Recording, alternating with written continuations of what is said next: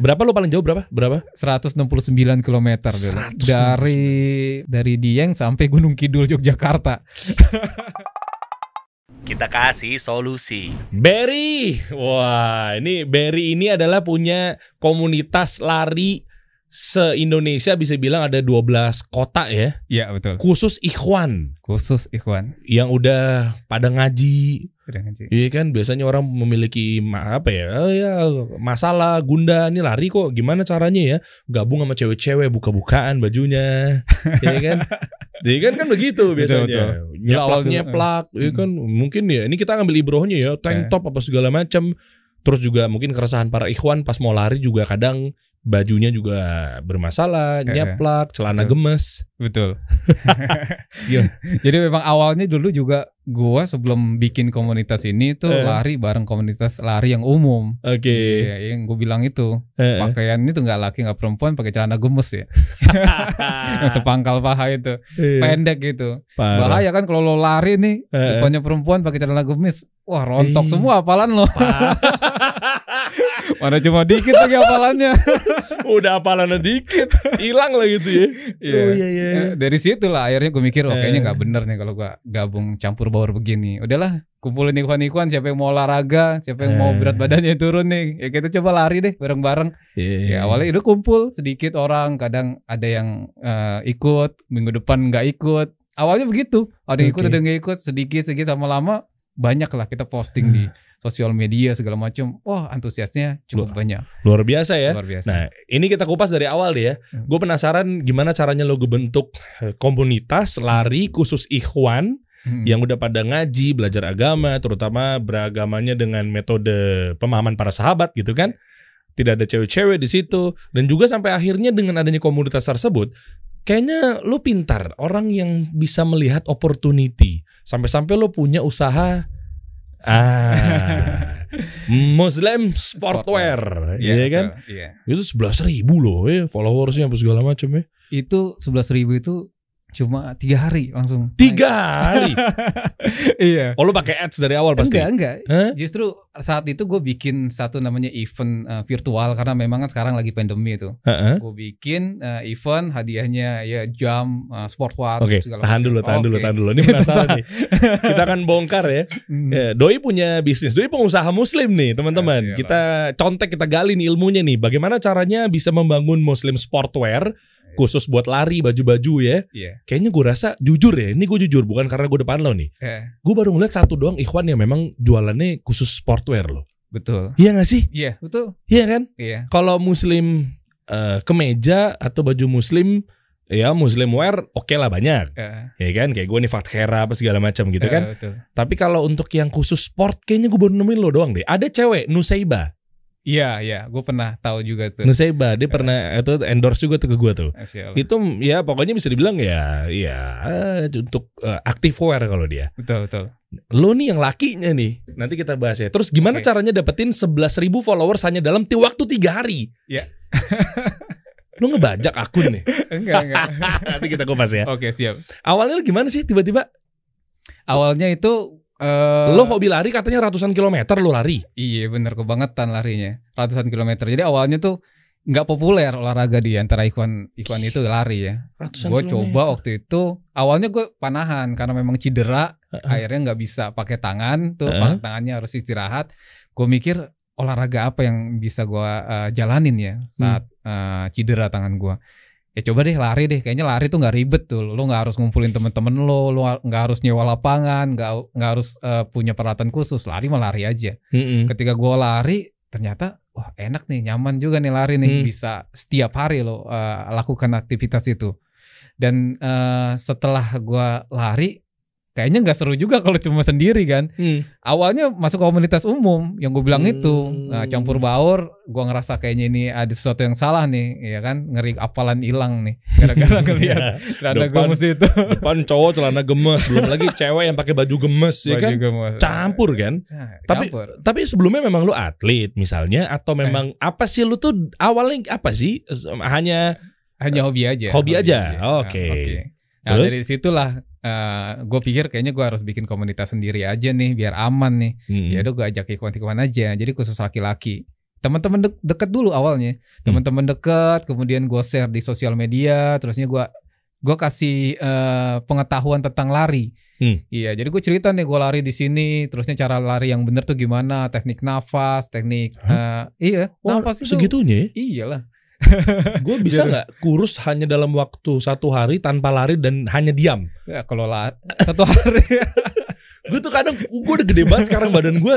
Biar lari, dan katanya lari yang paling gampang nurunin berat badan ya. paling gampang Gerak semua badan. soalnya ya. Iya, yang pertama itu, yang kedua eh, ketika lo lari eh, bahan bakar utama yang lo pakai untuk energi lo itu adalah lemak. Jadi kalau lo lari santai, jogging itu, Heeh. itu eh, energi kita ngambilnya dari lemak. Tapi kalau misalnya olahraga yang ada speed kayak futsal, basket, itu ngambil energinya itu dari glikogen di otot. Itu Oh. bedanya. Kalau lo lari ngambil energi dari lemak nih, lari santai, lemak lo hilang. Gitu. Oke. Paling cepet banget. Dulu Oke. gue gemuk sampai Ah, akhirnya. masa iya? Iya, gue gemuk. Segua enggak lebih lagi. Eh, enggak sih, enggak sampai segitunya. Oh, makasih loh. Saya gede banget dong berarti. Dulu lo Makasih. kurus banget ya. Dulu gue kurus banget. Zaman-zamannya gue ngeband dulu ya. Iya, waktu di Viera. Waktu itu sekarang makanya gue lagi nurunin berat badan tapi kalau bisa jangan effort lah, turun itu badan. Eh, sebenarnya gini, lari itu gampang. Ah, mindset orang aja yang mikir kalau lari itu kayak yang oh ngebut gitu enggak. Justru awal kalau lo mau lari itu, Mm-mm. gue selalu saranin nih sama coach-coach gue yang gue ikut pelatihan juga dan ngambil sertifikasi coach kan. Mm-mm. Eh, kalau mulai lari itu itu nggak harus langsung lari, justru jadi jalan dulu. Jalan satu menit, lari satu menit. Larinya lari santai ya. Oke. Jalan satu menit, lari satu menit. Itu nggak effort. Coba coba coba satu persatu deh dari mulai nafasnya, dari mulai satu menit, satu menit, satu menit, apalah tadi lah. Gimana gimana? Awalnya gimana awalnya? Jadi basic nih Hah? buat teman-teman yang mau coba lari ya. Heeh. Eh, yang pertama, lu nggak usah pikirin jarak. Ini kesalahan nih mindset orang tuh. Wah, gue pengen larinya jauh. Salah. Lo nggak usah pikirin jarak. Yang kedua, lo nggak usah pikirin kecepatan. Jadi yang lo pikirin adalah satu hari gue lari 15, 15 menit atau 30 menit. Itu aja. Cara larinya, ya hari pertama nih gue saranin ya lo jalan aja dulu keliling komplek 15 menit. Jalan bener-bener jalan. aja Jalan. jalan jalan aja Oke. tujuannya itu adalah eh, ngasih respon ke otot-otot kita untuk beradaptasi Oke. jadi kit- eh, otot kita itu butuh beradaptasi jadi jangan lu masuk cabang olahraga baru dan lo langsung pengen jago nggak bisa Apa berapa lama? Berapa lama? biasanya satu bulan lo eh, jalan eh, besoknya jalan campur lari yang gue bilang lu jalan satu menit larinya satu menit santai ya larinya ya Oke. jalan satu menit lari satu menit itu nggak akan terasa capek percaya Oh. sama gue Ini tips agar lu bisa lari sampai ratusan 200 km gitu. iya Oh dari sini latihannya. Iya. Jadi nggak mungkin tiba-tiba lu langsung berapa lu paling jauh berapa? Berapa? 169 km dulu. 169. Dari eh, Dieng sampai eh dari Dieng sampai Gunung Kidul Yogyakarta. Bro itu kan dari. Jakarta nyampe Bandung aja 200 kilo kan? Iya betul. Berarti sebelum nyampe Bandung ya apa sih Cikampek? Enggak juga lebih malah ya. Lebih. Purwakarta eh Subang ya kali ya. Enggak gini, gue ngeliat dari lo satu kurang kerjaan. kan ada mobil ber. Orang-orang bilang gue pelari akap antar kota antar provinsi. Sama kayak orang mindsetnya naik gunung ya. Kenapa sih nggak naik helikopter aja ke atas udah nyampe? Ye, tancap bendera turun lagi. Kenapa harus? Sensasinya der, percaya ketika lu Aduh. nyoba. Awalnya gue cuma bisa 5 kilo, 10 kilo, 21 kilo, 42 kilo sampai akhirnya gue mikir gue kebutuh tantangan baru nih. Ya, 42 orang 42 kilo itu mainstream gue coba 50 kilo pertama kali gue lari itu dari Tugu Monas Jakarta sampai eh, Bogor tuh Kujang itu pertama kali gue coba lari ultramaraton Oh. abis itu gue ikut eh, ngelup kebun raya Bogor Heeh. gitu Berapa? 50 Lap. kilometer 50 lap eh 50 Ya, kilometer tuh berarti 10 lap waktu itu Oh gitu. iya Eh, dari situ Oh. mulailah gue masuk ke apa ya Nusantaran itu jadi ada event Nusantaran yang eh, bikin event untuk fundraiser kumpulin donasi buat anak-anak eh, disabilitas pendidikan anak-anak disabilitas di situ 169 km. Uh, Uh, masya Allah itu. berarti 169 km itu apa yang lo rasain? Eh, Kunang-kunang, ya dong. iya. Muntah di tempat, ya dong muntah. Sakit kuning. Tipes, meningitis. Jadi eh, ketika 100 km awal itu eh, masih baik-baik aja sih. Tapi kalau itu perjalanan beratnya itu setelah Eh, eh. 100 km eh, lebih. Eh, eh. 100 km lebih itu Apa? eh, ya udah mulai halu lah. Halu tuh Eh, apa yang lo eh, rasain? Kayaknya gue mikir kayaknya gue eh, badan gue nggak kuat kayaknya. Tapi wah apa semangat gue tuh masih tinggi karena waktu itu kan memang buat donasi ya gue mikir wah ini orang-orang udah donasi nih ke Oh. gue nih gue salurin masa gue nggak finish. Nah di situlah yang gue bilang itu ultra orang ultramaraton itu ada satu titik lo akan deket banget sama Allah karena lo udah nggak kuat lari tapi gue yakin Allah masih bantu gue untuk sampai garis finish. Oke. itu. Jadi gue yakin aja pasti Iya, Allah iya. bantu, pasti Allah bantu. Oh iya, Gitu. karena memang waktu itu penggalangan dana buat Pendidikan anak-anak disa- disabilitas. Oke. Nah, gini, gue mau coba tarik mundur kalau memang ternyata ada yang lo ceritain ya bisa ya. Misalnya, eh, lu ngalamin sempat yang fase-fase sebelum sekarang ya lu udah punya komunitas gede, Eh, eh, udah punya usaha, eh, eh. sampai ada investor yang percayain lo. Nanti sebentar gue penasaran juga sih gimana caranya lo dapat investor yang nilainya Oke. mungkin ratusan juta gitu kan. Oke. Nah, maksudnya lo ngalamin fase-fase down nggak buat menginspirasi teman-teman lah? Awal di awal itu gue ngerasa eh, ketika un, gue sharing-sharing ya, Iya, iya. iya. sharing-sharing ya nggak ada yang komen, nggak ada yang like sama sekali itu.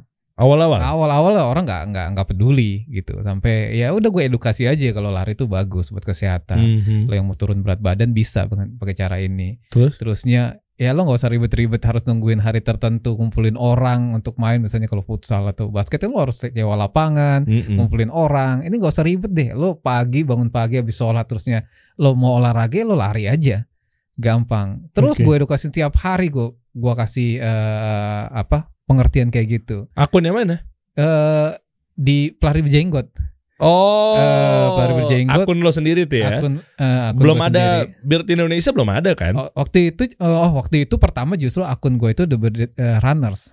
Akun pertama gue sampai akhirnya punya komunitas baru akun itu gue kasih untuk eh, komunitas gue bikin pelari berjenggot. Eh, nama komunitasnya adalah eh, TBR, TBR The Bearded Runners. Eh, The Bearded Runners Ah, itu ya. oke. Oke. Tapi paling besar memang eh, engagementnya itu di Facebook. Eh, Hmm. Facebook pribadi. Jadi Mhm. gue posting-posting posting begitu banyak yang minat sampai orang-orang luar kota juga eh, minta dibikinin chapter gitu kan. Ya gue pikir ini wadah yang bagus untuk teman-teman kumpul gitu kan. Mm-mm. Eh, biar ya lo ketemu nggak cuma waktu ngaji aja.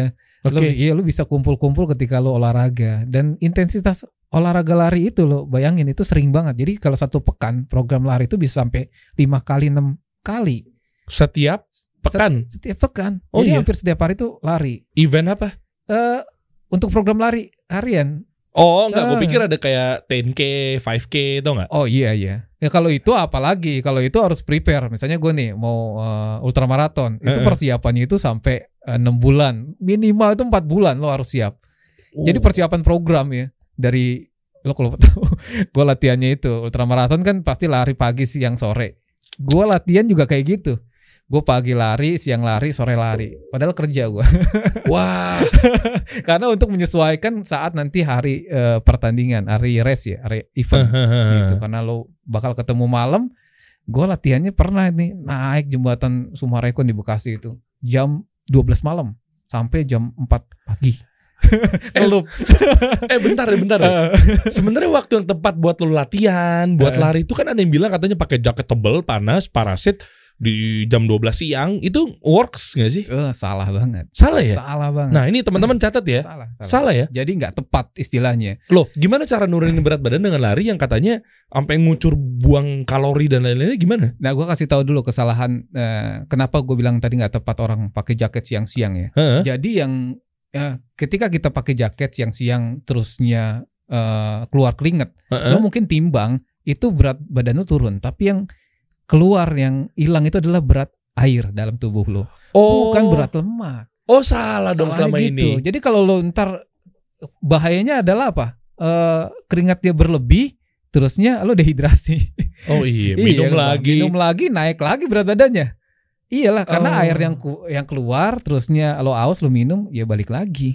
Oke. Oke, satu persatu nih ya. Mm-mm. Berarti artinya itu stigma yang memang lo capek-capek lari jam 12 siang Mm-mm. itu sama sekali salah total tuh ya untuk salah orang buang pakai kalori ya. salah Sa- Pa- pakai- kurang kurang tepat lah istilahnya ya. Iya, kalau iya, iya, kalau kalori tetap eh, berkurang, cuma masalahnya eh, kurang tepatnya gue bilang itu dia tujuannya menurunin berat badan, ternyata yang keluar itu yang turun adalah berat air dalam tubuhnya.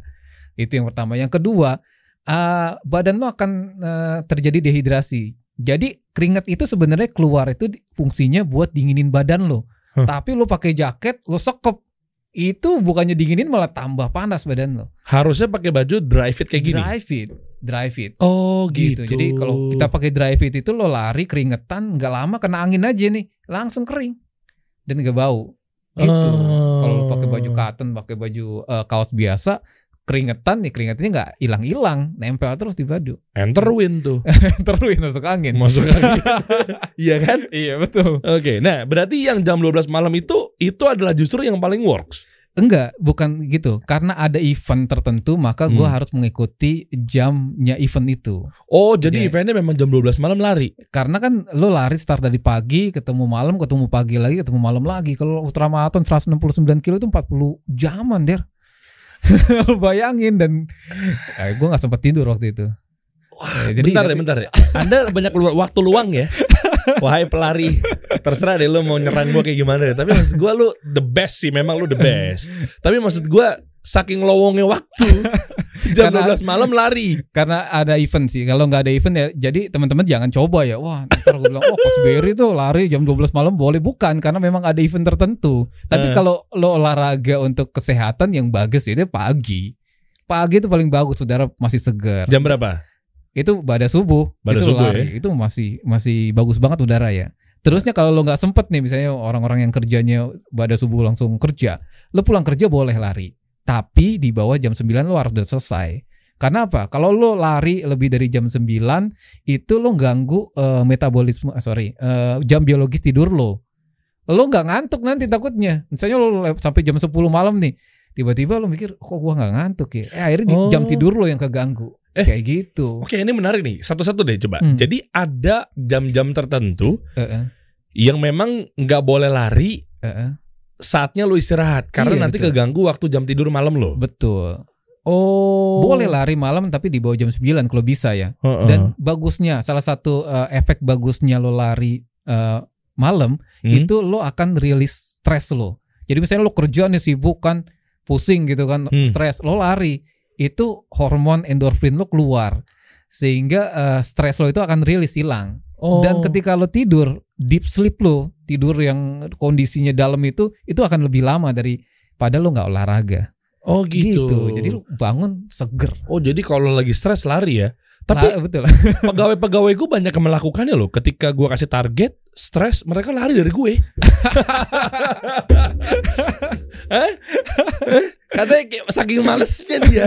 Itu cara yang benar apa cara yang salah itu? Lari dari tanggung jawab kalau itu kan. Iya, hey Anda, staff-staff kasih solusi. Enggak, baik-baik mereka. Baik-baik. Mereka kalau dikasih tugas, alhamdulillah tuh dijalanin. Betul. Hari libur masuk sekarang. Tuh, lihat. Hari libur ini. Anda berharap lembur. Wih, jangan salah. Masuk loh ya, kita syuting ya. Masya Masya Allah. Oke gini. Eh, terus akhirnya kepikiran buat lu ngegedein komunitas. Iya kan? Apakah sudah ada di benak bahwa "Ah, ini komunitas nih kayaknya nih bisa dicuanin nantinya ketika gue punya usaha sportwear nih. Atau seperti apa nih? Awalnya sih nggak kepikiran. Nggak kepikiran. Nggak kepikiran. Jadi awalnya itu eh, akhirnya bikin brand eh, pakaian olahraga muslim itu Mm-mm. dari hobi gue yang suka lari jauh.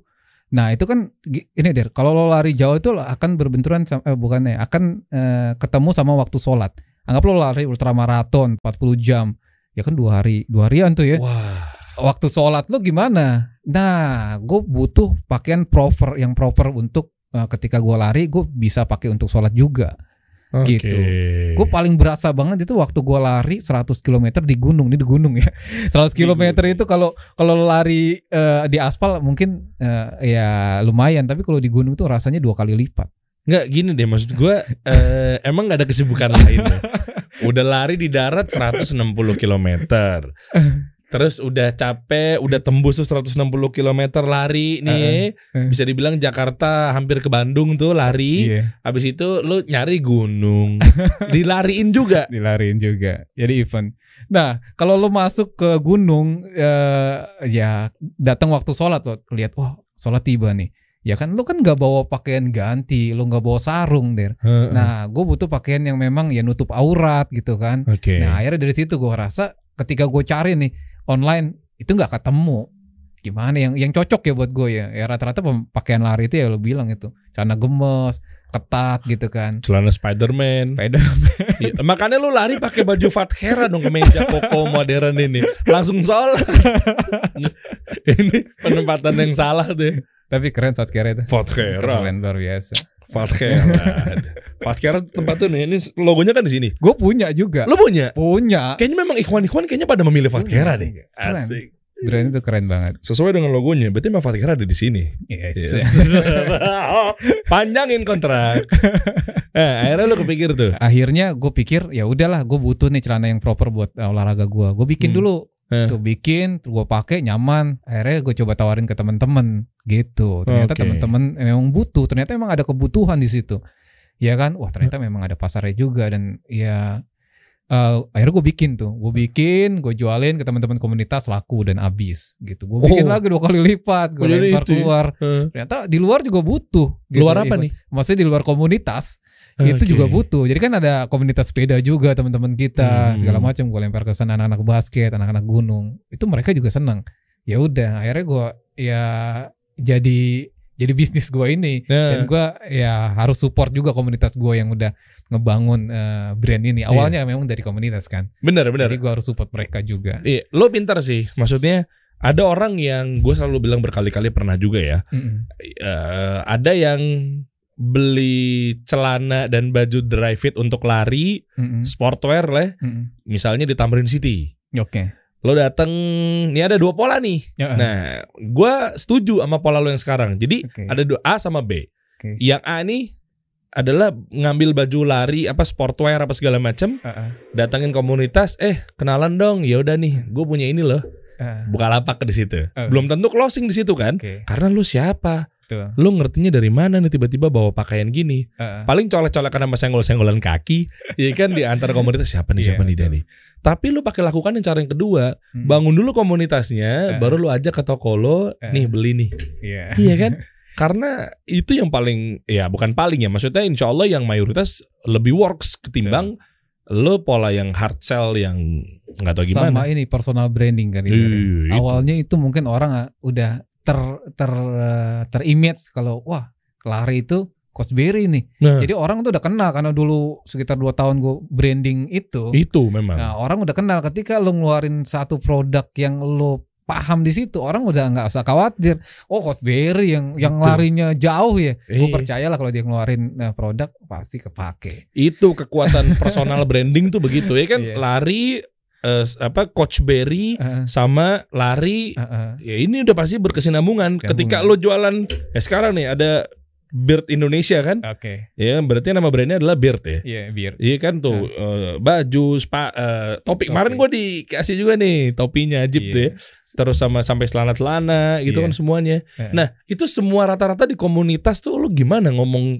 Maksudnya ini buat tips buat teman-teman deh yang udah bangun komunitas tapi Iya. bingung cara monetize. Oh, oke. Iya kan udah ngegedein komunitas tapi kok gue pengen jualan di sini kok kayaknya mulai dari mana ya? Ah. Canggung ya. Ah, Takutnya kok ya taunya gue cuma dieksploitasi doang misalnya. ah. Masuknya gimana tuh bro? Iya, karena memang awal ya gue bangun Hmm. uh, founder ya, founder Iya. di situ, terusnya uh, teman-teman juga support kegiatan event gua, terus uh, akhirnya gue bisa lari jauh ultramaraton. Ya awal dari keresahan gue ternyata keresahan gue tuh sama dengan keresahan teman-teman Mm-mm. itu. Yang gue bilang itu ternyata ternyata ada masalah nih yang uh, brand-brand itu belum bisa memecahkan, belum masuk gitu Mantap. ketika gua ngeliat wah ini gua butuh celana yang enak nih ya kan buat eh, muslim ya kan Oke. untuk olahraga ketika teman-teman sama nyari di Google segala macam gak ketemu perempuan banyak pakaian olahraga muslim itu pasti pakaian perempuan yang keluar oh laki-laki belum ada nih oh Oke. positioning itu yang belum ditempatin. Keren. Nah langsung lah gue bikin di situ Beard Indonesia untuk dapetin positioning sebagai pakaian olahraga Ih. eh, Muslim Iya. gitu. Nah gue tawarin ke teman-teman eh, karena memang dia punya hobi yang sama lari kan, Mm-mm. ya eh, pakai segala macam ternyata nyaman. Ya Oke. gue senengnya itu brand gue itu kalau orang beli mereka pada posting banyak banget itu sampai gue kumpulin di Google Drive itu. Oke. Iya jadi abis beli posting pakai nggak cuma lari doang gitu di jalan ke mall ke eh, hiking ke gunung traveling eh, pada pakai itu Oh, oke. pada oke. pakai itu ya itu mungkin eh, apa viralnya di situ Heeh. Eh, akhirnya ya mungkin ada investor juga yang ngelihat akhirnya Ah. kan seneng wah Oke. ini brand ini bagus nih Nah, Sebelum ke investor deh. Berarti lu cetak berapa dulu nih? Kan pasti kan hati-hati. Nggak Hmm. langsung tiba-tiba 1000, 2000 pieces, 3000 nggak gitu kan? iya Awalnya awalnya berapa tuh? 100 paling ya? awalnya cuma 100 dan itu gua nggak pakai modal Hah? Gimana ceritanya? ya awalnya ya gue bilang sama teman-teman komunitas nih gue bikin celana sampel kayak gini enak gue udah pakai gitu kan Eh, ada yang mau eh, PO nggak nih Oh, PO. Saya sudah menduga. Iya, akhirnya PO eh, di list teman-teman banyak yang eh, pesen gitu kan. Heeh. Ya udah, dapat tuh kan. Mereka suruh bayar dulu kan. Iya. Udah jadi nih, oh, mereka bayar, baru gue bayar kon- konveksi. Iya kan? Ya udah Hmm. margin dari situ ada margin. Tapi tetap gua harus support ko- komunitas juga. Jadi ada margin yang keuntungan itu dan gua harus ngejalanin komunitas ini kan. Karena ya ya eh, brand itu harus ada loyalitas kan. Mm-mm. Nah, makanya gue harus support eh, teman-teman di komunitas juga. Jadi ada kegiatan, ya gue jadi sponsor. Gitu ada Hmm. lari misalnya gue jadi sponsor segala macam. Ya kayak gitu ada kegiatan-kegiatan gue jadi sponsor. Ya brand loyalitas itu yang harus gue jaga nih komunitas udah support gue Iya dong. sampai brand ini lahir kan dari komunitas ini ya gue support. Nah itu dari 100 ternyata laku habis satu hari. Kemudian ya gue cetak dua kali lipat 200 habis juga 300 habis juga. Ya sampai akhirnya gue coba coba gue ke komunitas lain deh eh, sharing eh, nge-share gitu. Ternyata laku juga. Oke. Gitu. Jadi ya alhamdulillah Di akun apa? eh di Instagram, di Facebook sama di grup WhatsApp. Oh, oh WhatsApp works ya kalau untuk Oh, karena WhatsApp. komunitas Iya, ya. apalagi WhatsApp lu satu eh, grup itu udah kenal semua. Apalagi Eh, kalau eh. memang mereka suka lari kan, karena positioning gua eh, apa persona brandingnya udah pada kenal sebagai Wih. pelari. Ketika jualan Bener. produk lari ya, alhamdulillah. Kenapa lu masih butuh investor? Kalau memang udah per, per- apa ya, revenue stream tadi kan eh, omset, ya, Oke. profitnya juga gede. Emang Oke. kenapa lu mau mau gedein segede apa sih? Nah ini hampir satu titik gue mikir bahwa gue jualin ke cycle gue doang, yang gue kenal aja kan. Akhirnya dari temen, temennya Hmm. ke temen lagi. Sekitar itu, sekitar Ikhwan aja. Oke. Tapi gue mikir kayaknya brand ini kan untuk muslim umum. Hmm. gitu gue mikir kalau cuma temen-temen doang ya nggak akan besar Hmm. gue pengennya ya minimal secara nasional itu eh, bisa dikenal Oke. Nah, akhirnya investor itu datang dia cerita bahwa dia punya tim e-commerce yang expert lah gitu dia ngasih tahu udah jualan produk segala macam eh, iklan di Facebook eh, Google YouTube eh, Instagram Hmm. nah kayak gitu kan Nah, kalau kita berbayar kan kita bisa custom audience ya. Mau lo nembak di Sumatera, Kalimantan, terusnya lo mau eh, tembak eh, orang yang umurnya berapa, khusus laki-laki, terusnya pendapatan bulanannya berapa atau handphone harga handphonenya berapa itu bisa kita tembak di situ. Oke. Ya, dari situlah dapat eh gua ngerasa wah kayaknya bener nih kalau gue pakai eh, bisa gabung eh, mereka gabung besarin brand gue, kayaknya seluruh Indonesia bisa ketembak gitu. Oke, gini, eh, itu kan udah terjadi investor. Maksud gua, Oke. gimana caranya investor percaya sama lo? Banyak soalnya UMKM Muslim yang memang juga butuh dana Hmm. buat ngembangin usahanya, apa segala macam itu loh. Maksudnya, apakah memang tiba-tiba datang di investor, eh enak bener, betul nggak pakai proses pitching, proposal gitu? Enggak, enggak. Enggak. Emang kenal? Ya, jadi ternyata eh, dia cukup eh, karena kenal, kenal dan dia ngikutin ternyata Hmm. Oh, oke. Kan sekitar hampir 2 tahun gue membangun ya. Awalnya kan Uh, itu Eh, jatuh bangun deh. eh, Rugi-rugi ada nggak? Rugi-rugi alhamdulillah enggak pernah. Nggak pernah rugi. enggak pernah. Masya Allah. Alhamdulillah ya. Oh ya, karena udah jelas marketnya ya. Marketnya jelas ya segmen pasarnya jelas banget. Nah itu penting tuh. Eh, eh, karena betul. lu jualan sesuatu yang orang memang butuh, ya langsung ditangkap sama mereka. Kan marketing begitu, bikin Iya. orang yang nggak butuh jadi butuh. Harus Betul. tahu masalahnya dulu, baru kasih solusi kan begitu. Betul. Heeh. Ya, ini salah satu produk bir Indonesia yang ngasih solusi Heeh. untuk pakaian olahraga muslim ya. Jadi jadi kita hadir itu sebagai kasih solusi. Kasih solusi buat temen-temen nih Iya. yang lo lo olahraga, lo mau sehat, jangan sampai maksiat, tutup aurat. Oh, Iya. rhyming semua tuh. Iya, eh. ulang, ulang, ulang, ulang, ulang. Ulang-ulang nih. Ulang, ulang ulang. Lupa deh, lupa. Lupa. Belakangnya at semua tuh. Lo mau lo mau se lo mau sehat eh apa tadi? Ah. Padahal udah rhyming tuh.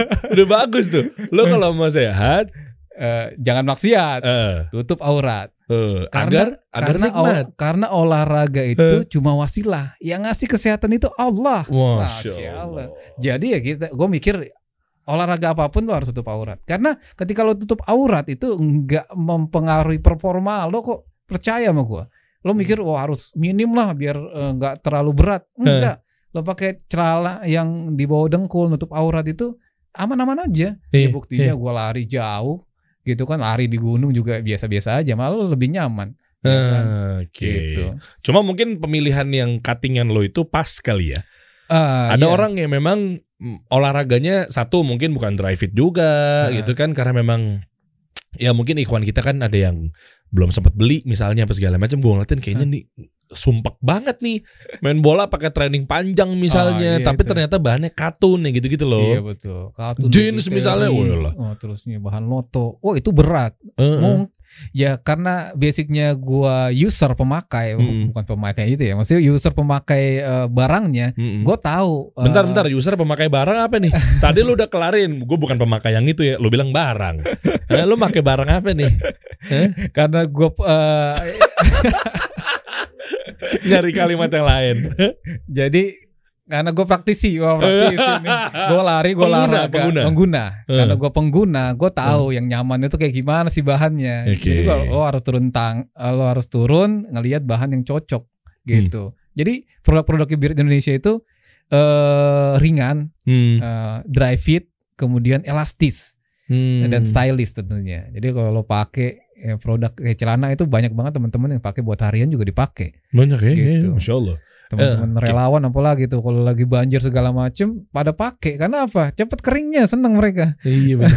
Bahan lo begitu ya kalau Iya. drive it ya. Dry fit kayak begitu. Investor berapa kemarin ngasihnya? Iya.